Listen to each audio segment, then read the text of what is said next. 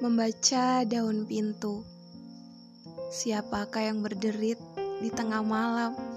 Ketukan kaki dan jemari di bawah sinar bulan. Mendekati dahan-dahan yang lelah terhadap hijaunya kesepian. Tergores nama asing. Bunyi malam tambah nyaring, sembunyi di rambut kepalaku.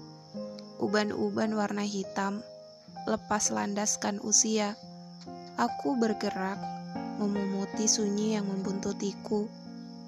Pelan-pelan, ku arungi sajalah kegelapan, membaca hati yang mewariskan ketakutannya sendiri. Siapakah yang berderit di tengah malam? 2015 Sajak Aulia Nur Inayah thank you